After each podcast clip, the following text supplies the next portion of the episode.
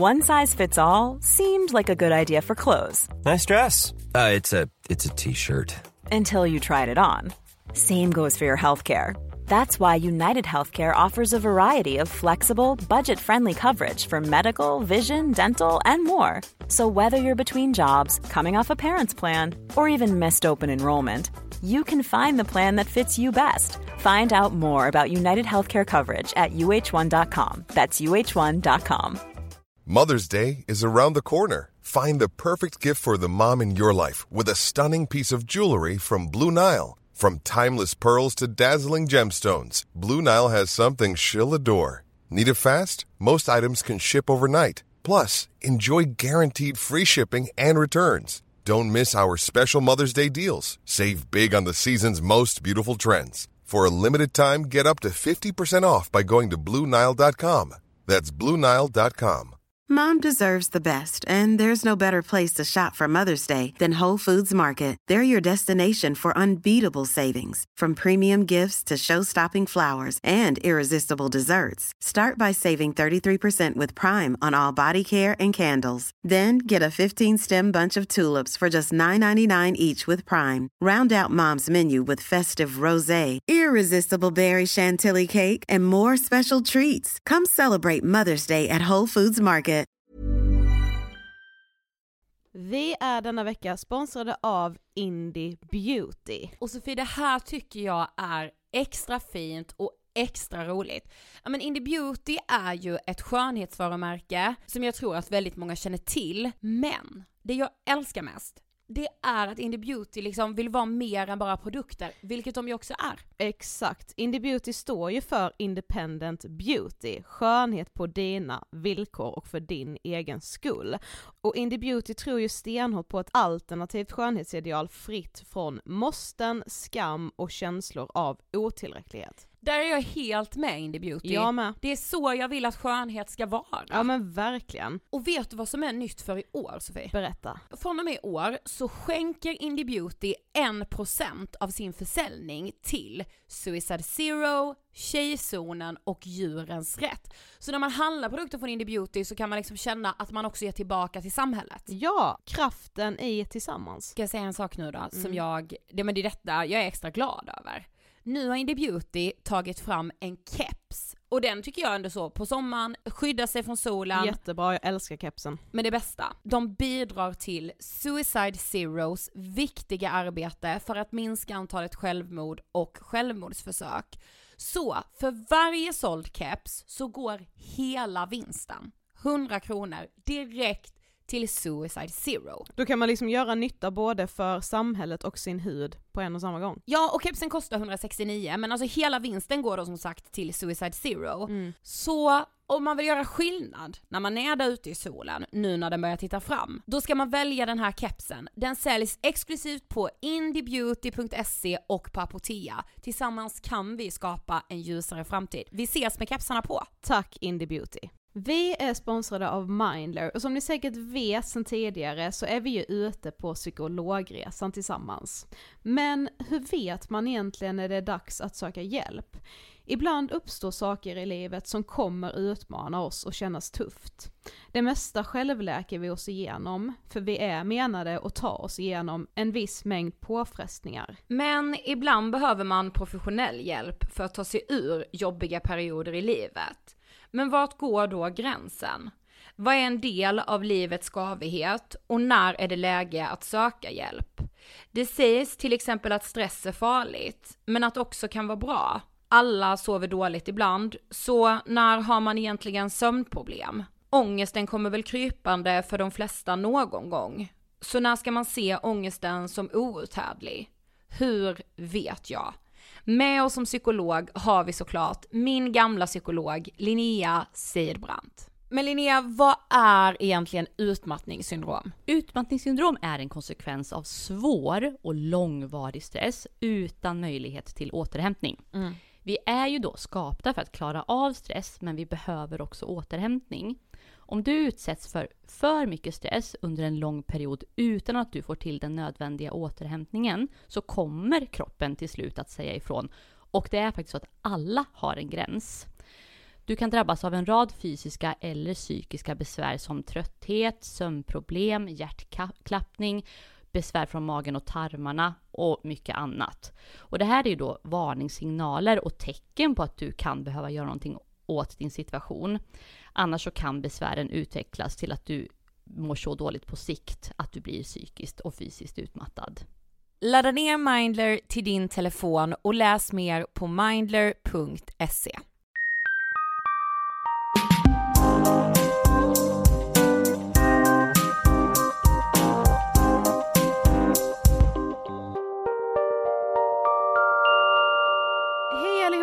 och hjärtligt välkomna till avsnitt 125 av Ångestpodden! Hej! Hur är läget? Jag är, det, jag bara ja ja ja, skojar, det är jättebra med mig Sofie. Giddy giddy. Jag har precis varit på en lunch, alltså du vet som gav mig så mycket energi. Mm. Ja du var ju också med. Ja, jag var ju det. Nej men verkligen, alltså som jag var såhär, jag bara åh gud jag går härifrån med 110 000 inspirationskänslor. Ja. Förstår du? Jag tycker faktiskt att man borde luncha lite mer med personer som man inte känner så väl. Ja. Alltså vet du, det är så lätt att bara så här, ta en lunch med någon man har känt i tio år eller att bara Ja. du och jag sitter och lunchar själva och säger ja Mm. det är väl jättetrevligt det med men det ger ju mig inte lika mycket inspiration. Nej, jag vet. Och det är, alltså tänk dig att göra det när man redan gick till så här på gymnasiet, att Mm. bara nej men jag ska äta med någon, alltså det är någon som går i en helt annan klass, I Mm. don't know him. Precis.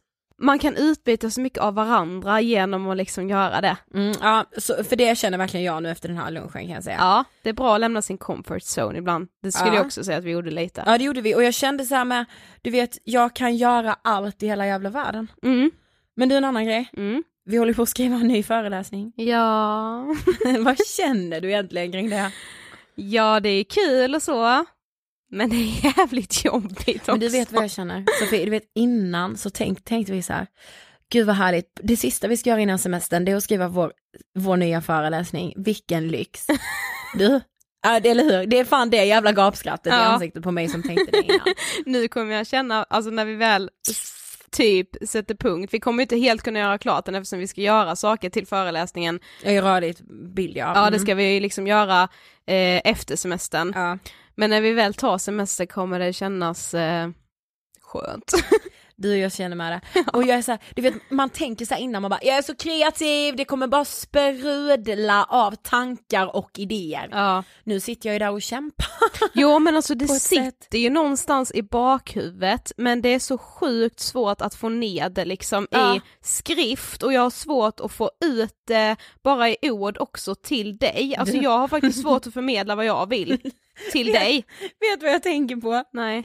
Igår, när jag säger så här till dig, det vi ska fokusera på nu Sofie, det är våra problem. ja. Där är vi nu liksom i den här processen. Men det är härligt, man kan skratta åt sina problem. Och det ska bli kul att få komma ut med föreläsningen. Ja, jättekul. Mm. Men vi har en sponsor med oss den här veckan som är kanske en av våra bästisar, kan man säga så?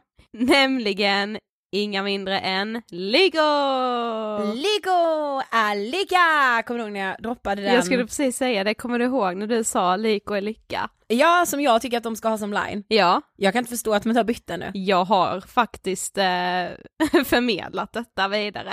Ja, att, Lyko. att de faktiskt borde byta. Ja, det har jag. Ja. Vi gjorde ju en livesändning tillsammans med Lyko. Mm.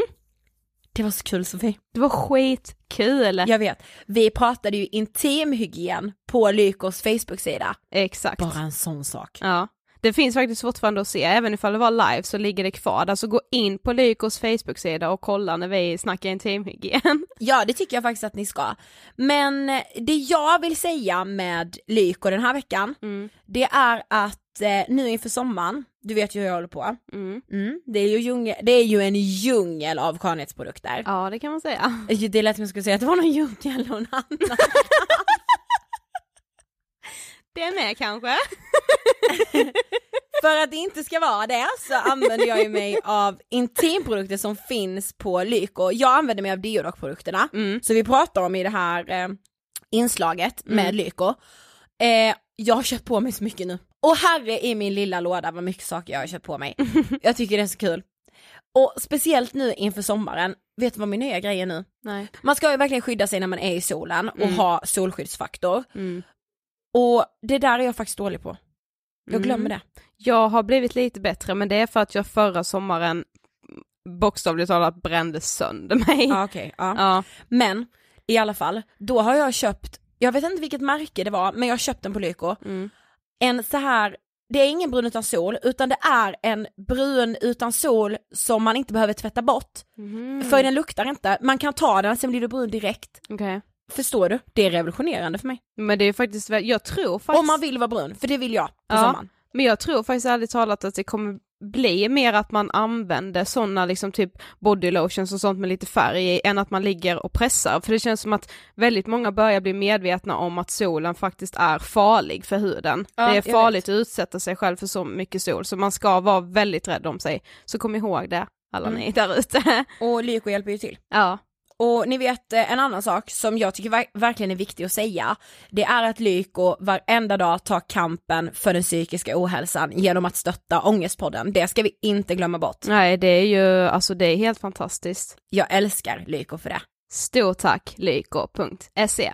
Eh, och innan vi drar igång dagens intervju, som ju handlar om OCD, Ja, det är så önskat ämne. ja alltså helt ärligt, det känns som att vi har sagt många gånger men OCD är absolut ett av våra mest önskade avsnitt sen vi startade podden. Ja, verkligen. Jag är så Ja, glad att det, det det, äntligen ska bli ett avsnitt. Det är så många som önskar det verkligen.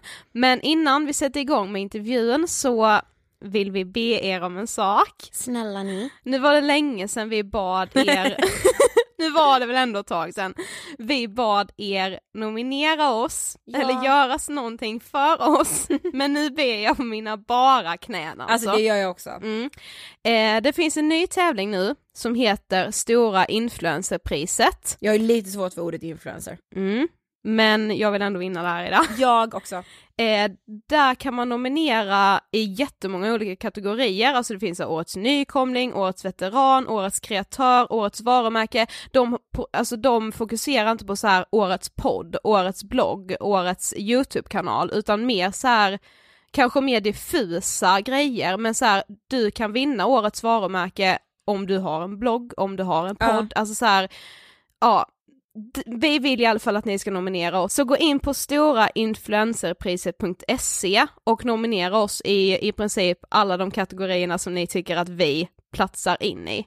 Alltså det hade betytt allt. Vi håller på med de här tävlingarna men jag tycker det är roligt också. Men också för att jag vill att vi ska få mer utrymme för de här frågorna såklart. Ja, vadå att Ångestpodden skulle tilldelas ett sånt pris, alltså det hade ju bara sagt att vi tillsammans liksom har tagit ett så himla stort kliv mot att bry- bryta all tabun kring psykisk ohälsa. Det hade varit riktigt fett. Mm. Så snälla, snälla gör det. Okej men nu börjar det bli dags för OCD. Yes. Och eh, vi träffade ju underbara Erika Mm. två gånger. Mm, det gjorde vi. Ja. Eh, för första gången så, vi poddade ett jättebra avsnitt och vi var jättenöjda. Mhm. Eh, och det var Erika också. ja. Eh, men sen efter några veckor så skrev Erika till oss, och, vilket var väldigt modigt, ja. eh, som vi också påpekar i intervjun, men eh, att hon ville göra om det. För att första gången vi poddade så mådde hon ganska bra. Eh, hon hade inte så mycket, hon kände inte av sin OCD så jättemycket då, men sen så hände det lite saker som gjorde att hon tog ett steg tillbaka och då kände hon att hon inte kunde stå för det som hon hade sagt första gången vi poddade. Mm. Så vi fick träffa Erika två gånger, vilket jag är jätteglad för. Ja men det är jag med. Och som du säger, alltså jag är så imponerad för jag tycker det är så himla modigt att så här, vet ni vad, jag kan inte stå för det längre, för jag Mm. mår mycket sämre idag. Och då vill jag förmedla hur det är för mig just nu. Mm, precis. Eh, så det uppskattar jag verkligen att hon, Mm. att hon skrev. Sen ska vi komma ihåg som med alla diagnoser när vi tar upp i podden att våra gäster kan ju bara prata utifrån sig själva och det kan ju kännas väldigt olika för alla men ni är så många som har önskat det här avsnittet och jag är helt övertygad om att även om ni inte kan känna igen er i allt så kan ni känna igen er i mycket av det som Erika säger. Absolut. Mm. Så vi rullar intervjun om OCD med Erika. Varsågoda! Hej Erika och varmt välkommen till Ångestpodden. Hej, jättekul att vara här. Du detsamma. Ja, verkligen. Eh, för de som inte vet, vem är du? Eh, Jag är en eh, 25-årig tjej, jag bor i Uppsala och eh, pluggar etologi och djurskydd där. Och eh, Du får nog typ förklara vad etologi är. jag. etologi, ja, För jag tror många tänker, vad är det? det är läran om djurs beteende och orsakerna till det. Mm. Så det är typ djurpsykologi, jätteintressant. Eh, och eh, jag bor själv med mina två katter och eh, är väldigt glad person och omtänksam. Ja, det är väl typ jag. Ja, grejen är att vi har ju faktiskt träffats en gång innan ja. och spelat in eh, ett avsnitt. Mm. Men sen skrev du till oss och ville spela in det igen. Ja, precis. Kan du berätta? Ja, för att eh, när jag var här sist då var det, då hade jag en, alltså jag hade eh, mitt tvång under kontroll och så. Men sen nu har jag haft en väldigt jobbig period då saker har gjort att det har eskalerat. Eh, min eh, farmor dog och eh, det var ett, alltså en brytpunkt som gjorde att jag kunde inte riktigt hantera det. Alltså att eh, då blev det att jag fick jättemycket tvångstankar och tänkte typ att på något konstigt vis var det mitt fel att hon hade dött typ. Att eh, hon kanske behövde dö för att hon skulle typ sitta från himlen och vägleda mig och sådär. Det var, alltså, ja det var typ väldigt, ja men det var därför. Mm. Det är väldigt mycket, jag haft typ en skiva i mitt huvud som så fort jag vaknar som bara sätts på och bara mal mängder med tankar hela tiden om att saker och ting är mitt fel. Och det har varit väldigt jobbigt och jag har typ inte gått ut ur sängen vissa dagar för att det har varit så tungt. Eh, och då tänkte jag att det vi poddade in förut, det var ju inte riktigt, alltså det var inte så jobbigt då. Mm. Alltså då var vi under kontroll liksom. Mm. Men så bra Ja. att vi kan sitta här igen och... Ja, Ja, och först be- beklagar verkligen. ja Mm. tack. Eh, och sen, ja men jag sa det till dig nu innan också att Mm, vi tyckte verkligen att det var så himla starkt av dig. mm, För jag tror ändå att många skulle bara så här, ja ja, men nu är det inspelat så nu får det vara. Mm. Jag tyckte det var väldigt starkt att så här, hej vet ni vad, det känns inte bra och kan vi göra det igen? Mm. Eh, Ja, Ja. precis. För jag diskuterade med, innan jag skickade mejl till er, Mm. med andra hur jag skulle göra med mina kompisar och med några släktingar och så. Och eh, mina kompisar tyckte ju absolut att jag skulle höra av mig igen och podda om. Mm. Men eh, mina släktingar var ju lite mer så här, men släpp det bara, det är väl inte så farligt. Men det känns ju inte så äkta. Nej, precis. Nej. Och nu får ju vi ses igen. Ja, jättetrevligt. Men då får du den här frågan då. Ja. Vad tänker du på när du hör ordet ångest? Eh, jag tänker väldigt tungt, ensamt, jobbigt. Man... Det blir att man grottar ner sig i sig själv, man känner sig jätteensam. Liksom. Vet ni vad jag kan tänka ibland? Nej. Att man så här, man börjar nästan, man är som en forskare som forskar i sig själv.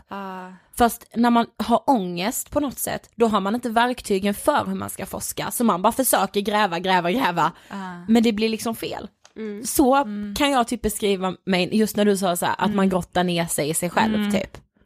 Ja, men jag håller med. Jag så här, lånar böcker och läser typ, alltså för psykologer och ska läsa. Och sen så blir det bara, nej jag förstår ingenting, liksom. det blir bara jobbigt det här, jag får strunta i det. Mm. Ja, så här, hobbypsykolog för sig själv. Ja, det vill man vara allt för ofta. Ja, ja precis.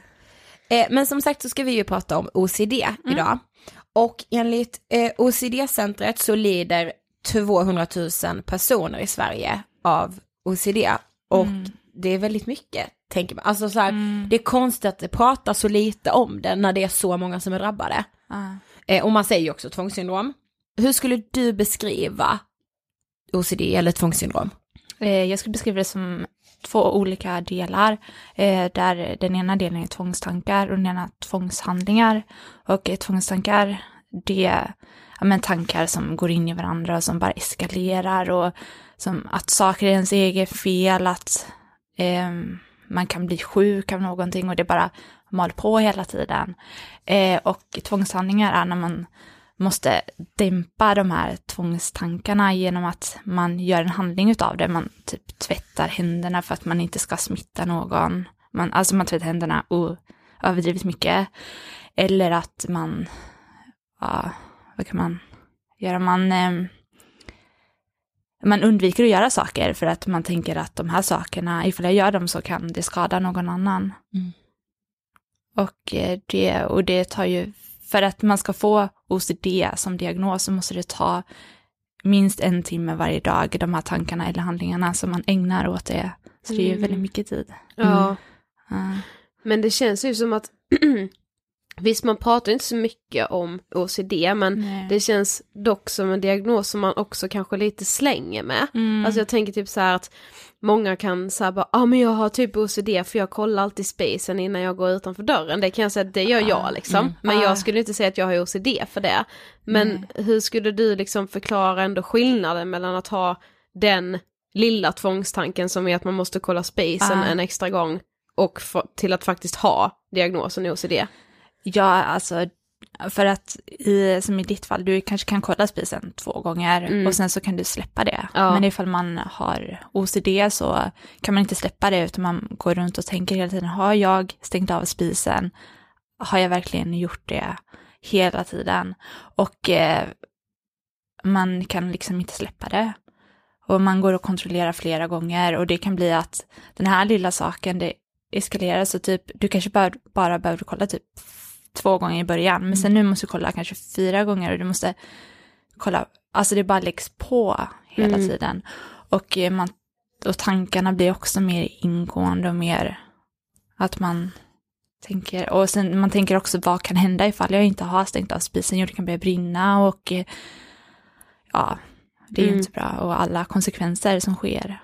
Det blir en ond spiral liksom. Ja, precis. Mm. Och den bara fortsätter ju ifall man inte sätter stopp för den. Så att det kan ju ta upp väldigt mycket tid. Och det kommer ju då, man kanske börjar då kontrollera spisen, sen måste man kontrollera att alla lampor är släckta, för det kan också göra att det börjar brinna, dra ut alla Ja. sladdar. Ja, Mm. så det kan ta väldigt lång tid att komma hemifrån ifall man inte sätter stopp för det. Mm. Ja precis, för det som du sa så är det så här att man slänger lite med det. Mm. Det kan man ju höra så här att man liksom, man skämtar nästan om det, så, ah men gud jag har typ OCD. Eller så här, ah, eh, men att verkligen ha det, då är det så här, då är ju inte det ett skämt, då Nej. kan det ju ta liksom flera timmar och bara komma Ja. hemifrån. Ja men precis, och som gör att man kommer sent och gör att man inte kan sätta en tid när man ska komma till Mm. folk eller så. Eh, men när du var 14 år så fick Ja. du ju diagnosen OCD. Eh, hur gick det till? Ehm, det började väl lite så här smått innan jag var 14 att, som nu när jag tänker efter att jag, när jag var i skolan så var jag tvungen att skriva väldigt, alltså anteckna väldigt fint. När lärarna skrev på tavlorna så var jag tvungen att skriva jättefint och det var tvungen att vara på det sättet jag ville. Och, eh, men det var inte så jobbigt, det var bara någonting som jag behövde göra. Men eh, sen så fick jag eh, min egna nyckel och skulle låsa, jag var sist hemifrån och skulle låsa och ansvara över det och gå hemifrån till skolan. Och det var väl där allting eskalerade för mig, gick ut för, för att jag, eh, det började ju lite med att jag tänkte, men när det är låst, eh, när jag, gick- alltså jag kände flera gånger på handtaget, gick i ner för trappen och tänkte är det låst. Men sen så eh, nästa dag så kanske jag, ja men då, de här tankarna kom ju med mig ännu längre väg till skolan och så höll det på så hela tiden. Så till slut så hela vägen till skolan, det var typ två kilometer, så var jag tvungen att tänka på ifall jag hade låst dörren. Och ifall jag inte hade gjort det så kanske det skulle bli inbrott och, och det skulle vara mitt fel. Och eh, till en början kunde jag ju hålla det för mig själv, för att det var ju ingen som var med mig där. Liksom. Men eh, till slut så kom ju det här in i flera situationer att jag var tvungen att lägga saker prydligt och så, för ifall inte jag gjorde det, så skulle något dåligt hända, någon kanske skulle dö, ifall inte jag gjorde allting så bra som jag hade i min värld, eller som jag trodde att eh, fattade skulle- som att det skulle vara. Ja. Precis. Eh, och eh, då ja, det bara eskalerade och till slut så märkte min familj att det var något fel. Jag drog mig undan, jag ville inte äta middag med dem och för att då ville de ju prata med mig och det går inte för att ifall de pratade med mig, jag var ju fullt upptagen med mina tankar, med allting jag var tvungen att göra på ett visst sätt. Och eh, det blir, och ifall någon kommer och mig, då var jag tvungen att tänka om allting igen och jag var tvungen att tänka de här tankarna i ett visst steg, liksom mm. att en tanke först och sen nästa tanke. Och då kanske de kom, kom in mitt i när jag hade tänkt på tankarna och var tvungen att börja om från början. Mm. Och då blev jag väldigt arg för att det var ju så energikrävande. Men de förstod ju inte det. Men mm. till slut så märkte de ju att jag var väldigt arg och drog mig undan. Så då fick jag komma till BUP och eh, där fick jag diagnosen rätt så snabbt. Mm. Mm. Var det någon så här specifik händelse som ändå gjorde att du ville söka hjälp? Alltså det var ju mina föräldrar som sökte hjälp åt mig för att de insåg, jag ville ju inte ha hjälp för att jag ville inte få den här stämpeln att man inte är normal, mm. vad nu mm. normalt är. Ja men exakt. Ja, precis. Eh, att man är annorlunda. Eh, och eh, ja. Men hade du typ så här ändå känt att det kanske inte var ett normalt, säger jag ja. citationstecken, beteende. Så jag tänker typ så här, nu, nu är det så lätt att typ bara så här googla, bara men det här känner jag igen, oj jag har nu den här diagnosen. Alltså hade du gjort någonting sånt eller var det bara liksom genom dina föräldrar som? Alltså det var bara via mina föräldrar för vi hade inte tillgång till dator eller någonting då så att jag förstod ju på något vis att det här inte var alla tänkte inte så här Nej. och att det var väldigt jobbigt för mig men jag ville ändå inte mm. dela med mig för att jag skämdes över det. Men hur såg tiden sen, alltså när du hade väl fått diagnosen, mm. hur såg mm. tiden efter det ut? Jag tänker med så här, terapi mm. eller hur? Ja. Jag fick samtalsterapi, men mm. eh, jag ville ju inte se att jag hade den här diagnosen. Så eh, jag eh, tog ju inte tillvara på det där och jobb, alltså jag ville verkligen inte lyssna, jag ville inte ens gå dit. Men jag gick för att mamma och pappa ville att jag skulle gå. Mm. Men jag bara satt där och lyssnade inte alls. Och då blir det ju inget bra resultat. Så att jag fick börja med psykofarmaka. Eh, och då, jag ville ju inte ta det heller, men eh, mamma och pappa tjatade på mig och eh, så jag tog över det mer för deras skull. Eh, och det började jag med rätt så snabbt. Och eh, så åt jag det tills jag var, eller tog dem tills jag var 18. Eh, sen slutade jag med det. Men eh, det var typ bara det jag, alltså den enda behandlingen, alltså som, det var i psykofarmaka och eh, samtalsterapi då, men mm. samtalsterapin var ju inte närvarande vid så att det Nej, gav ju ingen det resultat. hjälpte liksom Nej. inte. Nej. Nej, och eh, mamma och pappa tyckte ju att, eh, mina föräldrar tyckte ju att eh, tabletterna gjorde mig, alltså gjorde att jag fungerade bättre i vardagen, men jag... Ready to pop the question? The jewelers at BlueNile.com have got sparkle down to a science with beautiful lab-grown diamonds worthy of your most brilliant moments. Their lab-grown diamonds are independently graded and guaranteed identical to natural diamonds, and they're ready to ship to your door. Go to BlueNile.com and use promo code LISTEN to get $50 off your purchase of $500 or more. That's code LISTEN at BlueNile.com for $50 off. BlueNile.com code LISTEN. Planning for your next trip? Elevate your travel style with Quince. Quince has all the jet setting essentials you'll want for your next getaway, like European linen, premium luggage options, buttery soft Italian leather bags, and so much more. And is all priced at 50 to 80% less than similar brands. Plus, Quince only works with factories that use safe and ethical manufacturing practices.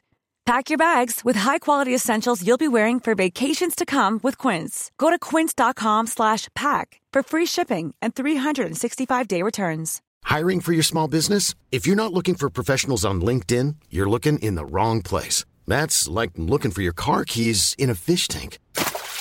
LinkedIn helps you hire professionals you can't find anywhere else, even those who aren't actively searching for a new job but might be open to the perfect role. In a given month, over 70% of LinkedIn users don't even visit other leading job sites. So start looking in the right place. With LinkedIn, you can hire professionals like a professional. Post your free job on linkedin.com slash people today.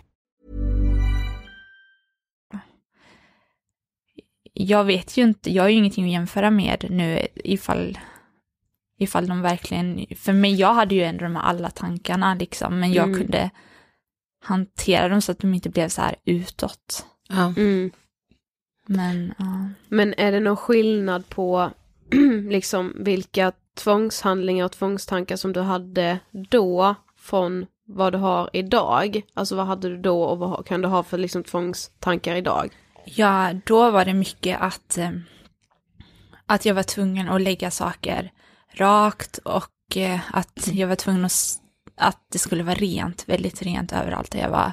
Och är det svårt att alltså, ta i vissa personer för att eh, jag var rädd att jag skulle smitta dem eller att de skulle smitta mig med något.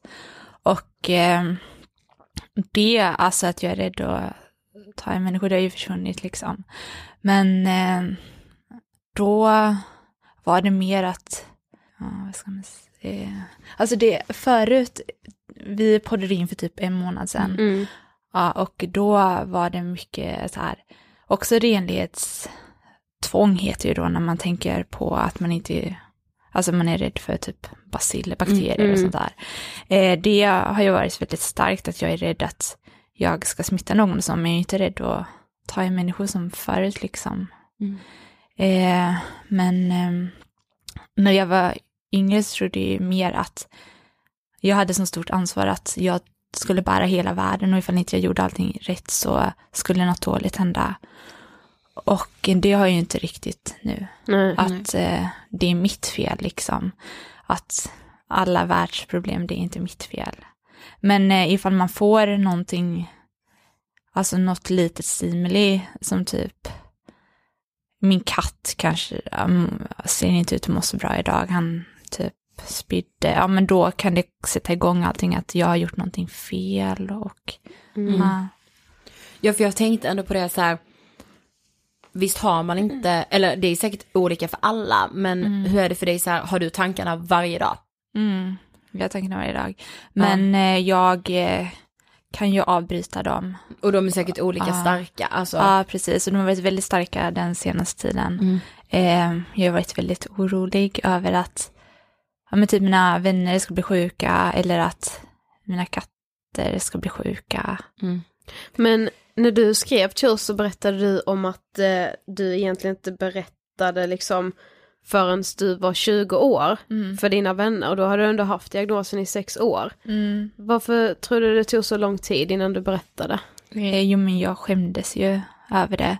Och eh, tidigare så var det ju mamma och pappa som förde min talan också. De berättade typ för folk att jag hade OCD och men jag ville liksom inte riktigt inse, eller jag förstod att jag hade det men jag ville inte riktigt inse det. Eh, men när jag var 20 år, då hade jag bott själv i två år i egen lägenhet och eh, då så eh, tyckte jag att ja, men jag kunde bara typ dela med mig, liksom, för att jag tyckte inte att det var så jobbigt att dela med sig. Jag, var Mm. typ, jag var redo liksom. Och så berättade jag för två kompisar som stod mig väldigt nära och de hanterade det väldigt bra. Så efter det så, ja, man måste ber- börja berätta för Mm. personer som man litar på först. Var det skönt att berätta? Ja, det var jätteskönt Mm. att få den responsen också. Mm. Att de inte dömer och att de fortfarande är mina kompisar. Ja. Mm. Ja, precis. Men det är ju väldigt mycket att man skäms för att det är ju, det är ju jättemycket tankar som man vet inte har någon betydelse. Man vet att de här tankarna är helt, de, har, de fyller ingen mening men Nej. ändå så måste, är de så starka. De har en sån stark, man, det växer en sån stark känsla inom sig så att mycket ångest och ja. Mm. Men du sa ju det att du gick hos BUP då när du var 14 och att det liksom inte funkade. Nej, ja. Ehm, Men sen började du i terapi igen 2015 va? Ja, precis. Eh, och då var det ju på mitt initiativ. Ja, Mm, precis. Så då började jag i KBT, eh, kognitiv beteendeterapi. Och eh, då fick jag som första uppgift att jag berättade ju då om alla mina svårigheter jag hade och eh, sen så fick jag eh, en, man eh, har ju olika svårighetsgrad på de här, man tycker olika saker är olika jobbiga och då börjar man alltid med det man tycker är lägst jobbigt. Och sen så försöker man åtgärda det som exempelvis jag hade att diska, det kunde ta jättelång tid för mig. Eh, och då var det att, ja men du kanske bara behöver ta tre disktag med borsten på tallriken, sen så blir det rent liksom, inte att man står och gnor frekvent. Och sedan så uh, får man ju så här, alltså det skapar ju ändå ångest att nu är det inte rent liksom, och då kanske jag blir sjuk för jag äter på den här tallriken. Mm. Och eh, då, så, eh, men då får man ändå så här utsätta sig för det här. Och sedan så kan man göra det på, när man tycker att men nu är det inte farligt, då gör man det på nästa situation som man tycker är farlig. Och det är väl lättare med KBT med tvångshandlingarna för att då, ja men typ om man är rädd att ta ett i handtag, då ska man utsätta sig för det.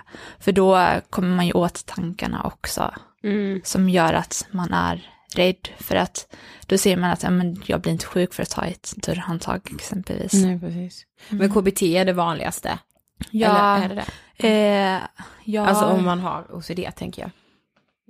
ja, alltså det beror på ifall du är villig att jobba med Mm. det så är KBT det vanligaste, men ifall man inte är så villig att jobba med det, då är ju psykofarmaka Mm. bra. Men jag tänker att ifall man är beredd att jobba på det så, så tycker jag att KBT är det bästa liksom. Mm. Och att eh, man även kan ha psykofarmaka, men eh, att man, alltså det känns som en tillfällig lösning så att man kan sluta med det senare. Jag tänker, har du typ Mm. något så här minne av, du vet när du har så här KBT att dig, alltså Mm. när du har utsatt dig för någonting, Mm. när du sen kände efteråt att bara, ja ah, men shit, ja men jag blev ju inte sjuk av att ta i det där handtaget eller så här, Mm. har du någon så här, Ja, för att eh, det var en period då jag var jätterädd för att bli sjuk. Och eh, jag fick lunginflammation, så att det var ju efter det och fick äta antibiotika och jag bara nu är mitt immunförsvar helt, helt crash liksom. Nu Mm. har antibiotikan dödat alla så här infekterade celler och mina celler så jag har verkligen inte immunförsvar. Så att, och jag bara, alltså det, det var väldigt jobbigt för mig så att jag väntade typ någon månad eller typ två månader och sen så nu bara, nu har jag mitt immunförsvar och nu är jag fortfarande rädd för att bli sjuk. Så nu går jag till simhallen för att det är jag jätterädd för, typ att men det finns ja, men mycket människor, typ, f- alltså det är bara en plats som gör att jag inte känner mig bekväm liksom. Mm. Eh, av olika anledningar. Och sen så, så gick jag dit och eh, jag blev ju inte sjuk. nej. Nej, för jag läste typ att det finns ju, vad var det, typ 800 liter kiss i en pool. Oj, Så man bara, ja, Ah, okej. men det man läste blir jag inte sjuk. innan. Nej, precis. Men man blir inte sjuk? Nej. Nej, för jag tänkte att nu ska jag ta reda på allt det dåliga med det här. Mm. Och sedan så bara gör Ändå utsätter Ja, du Ja men wow, alltså det är ju Ja. verkligen så strångt Ja. då med, med den vetskapen att så här, Det är så, Det jag är kan, mycket- inte, säga, jag kan inte säga att jag hade hoppat i en bassäng om jag hade vetat. precis. Nej men jag tänkte bara, ju, ja men okej nu vet jag det här jättebra, då är det, då kan jag bara ha den här rädslan och Ja. göra det. Har du något så här knep som funkar för dig när du ska bryta dina tvångstankar?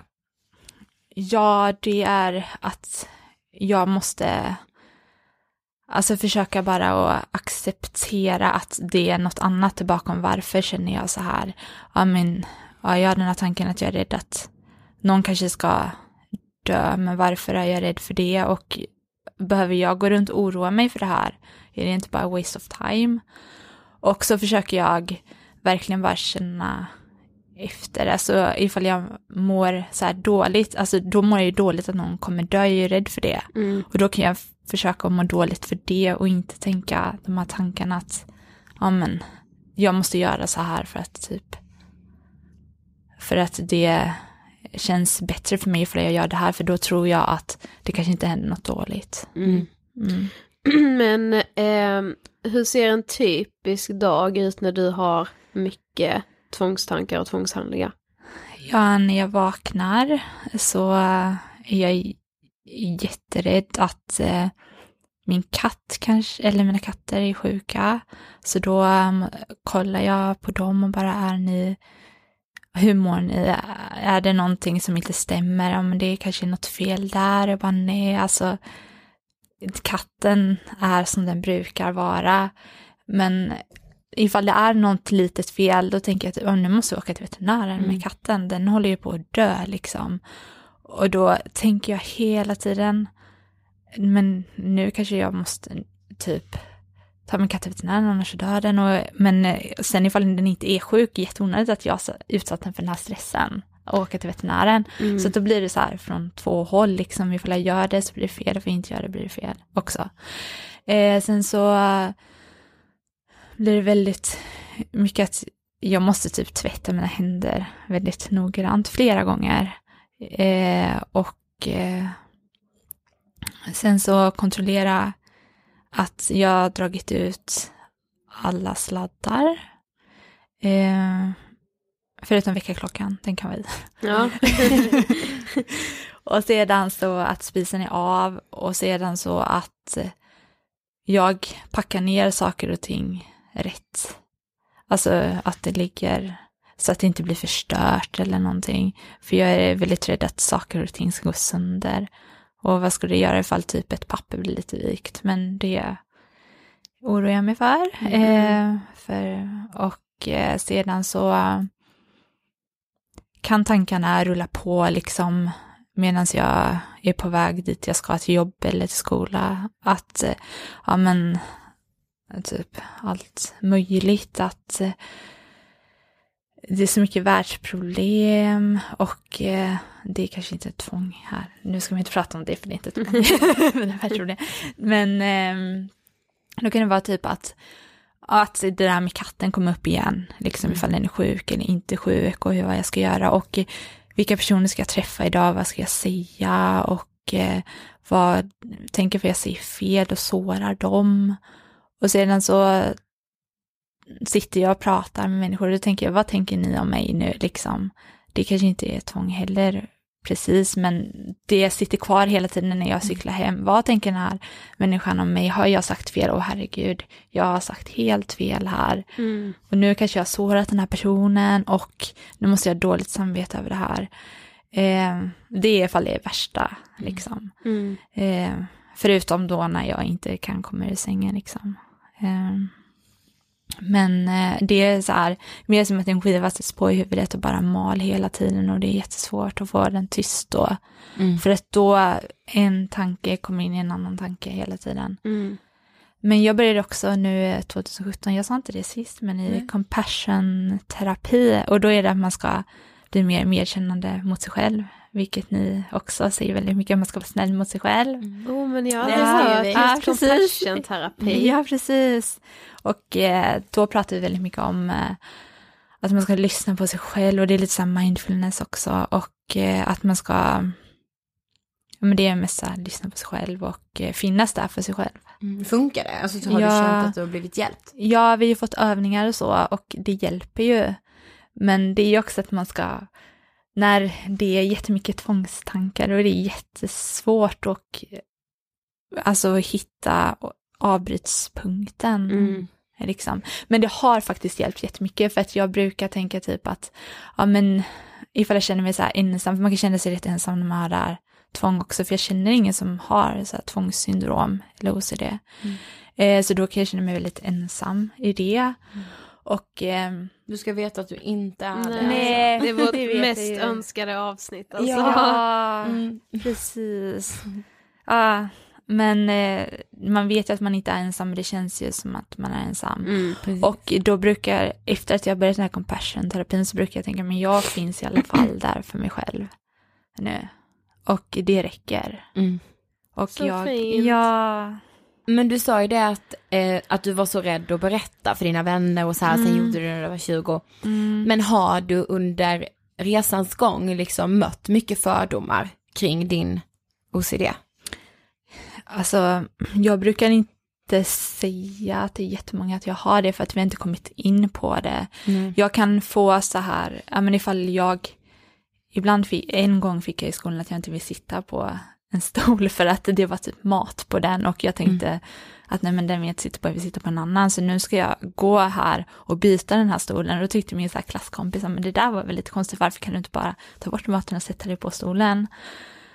Och eh, det, jag orkade bara inte möta det den dagen så jag valde att byta stol. Mm. Och då så sa jag, men alltså jag fick ett, alltså jag fick lite, eller jag fick OCD, en OCD-tanke här så jag var tvungen att byta stol. Och de bara, okej, alltså de tror nog inte att jag har OCD liksom. Nej. För jag har inte sagt det.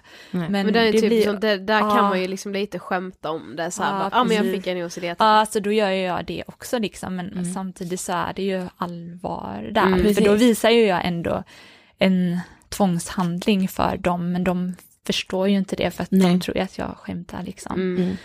Men eh, jag, det är ju några jag berättat för och då är de mer intresserade och typ hur det uttrycker sig och så. Mm. Ja, och är förstående, så det är bra. Mm. Vad skönt att höra. Ja, man ska Ja. berätta. Ja, men Ja. precis. Mm. Vi har faktiskt kommit fram till sista frågan. Mm. Vad inspirerar dig? Ja, det som inspirerar mig är eh, alla människor som kämpar och tar sig upp ur sängen även ifall det är jättejobbigt. Och som, ja, som kämpar. Mm. Det Erika, du inspirerar mig. Ja, Ja, verkligen. tack. Tack så jättemycket för att du vill gästa Ångestpodden.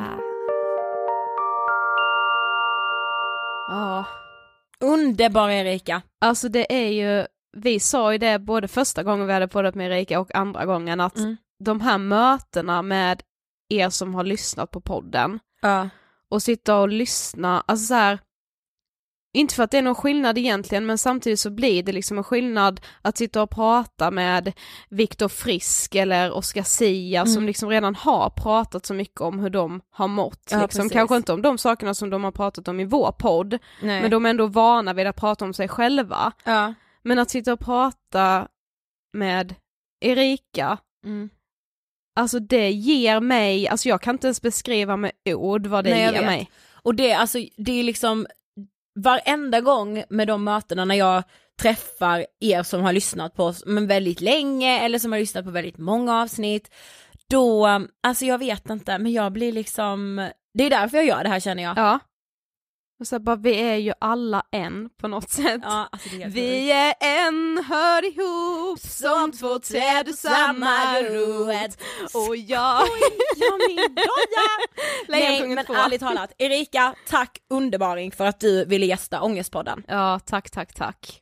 Veckans hiss, Yes. jag har en, Mm. på tal om att sjunga. Mm. When it comes to you There's no... Oh my god! Jag vill hissa, alltså gud alla bara okej skräll att man, att man eh, hissar eh, Justins nya låt. Vi var och såg Justin i Stavanger förra veckan, det var otroligt. Jag såg att han fick dåliga recensioner i Stockholm, synd för er som såg honom där. I Stavanger var han toppklass. Jag vill i alla fall hissa hans nya låt To You med David Guetta. Sommarplåga, Den är skitbra verkligen. lyssna. Jag håller med.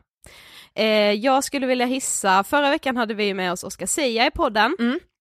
Och igår, det här är tisdag när vi poddade här, så igår måndag, Ja. så hade han och Hampus Nessvold premiär med sitt eh, sommarprogram Sia med Nessvold i P3.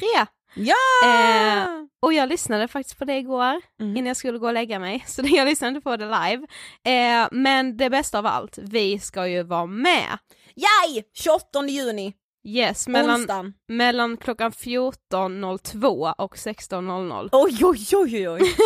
Då är vi med i Sia med Nestvold. Det Ja, ska men vi bli kommer kul. svinkul. Ja, och vet ni, eh, vi kommer påminna om det här om ni följer oss på Instagram. Jag Mm. heter Ida Hockerstrand, Och jag heter Sofie Hallberg. eller så heter vi Angestpodden. Yes. Men det var allt vi hade den här veckan. Vi hoppas verkligen att ni har kunnat känna igen er, ni som har önskat just OCD. Mm. Eh, och kom ihåg att man är ju inte ensam, för jag kunde relatera skitmycket Mm. till saker som Erika sa, även om jag inte har OCD. Ja men precis, men ångesten bara ter sig på helt olika sätt. Ja, men det är exakt. på något sätt ändå samma ångest. Ja, Ja. Glöm inte att prenumerera i podcaster-appen, då blir vi sjukt glada. så hörs vi som vanligt nästa vecka. Sommaren kommer mot oss. Nästa vecka är det midsommarafton, nästan, när vi hörs. Ja. Love you guys! Hejdå! Hejdå!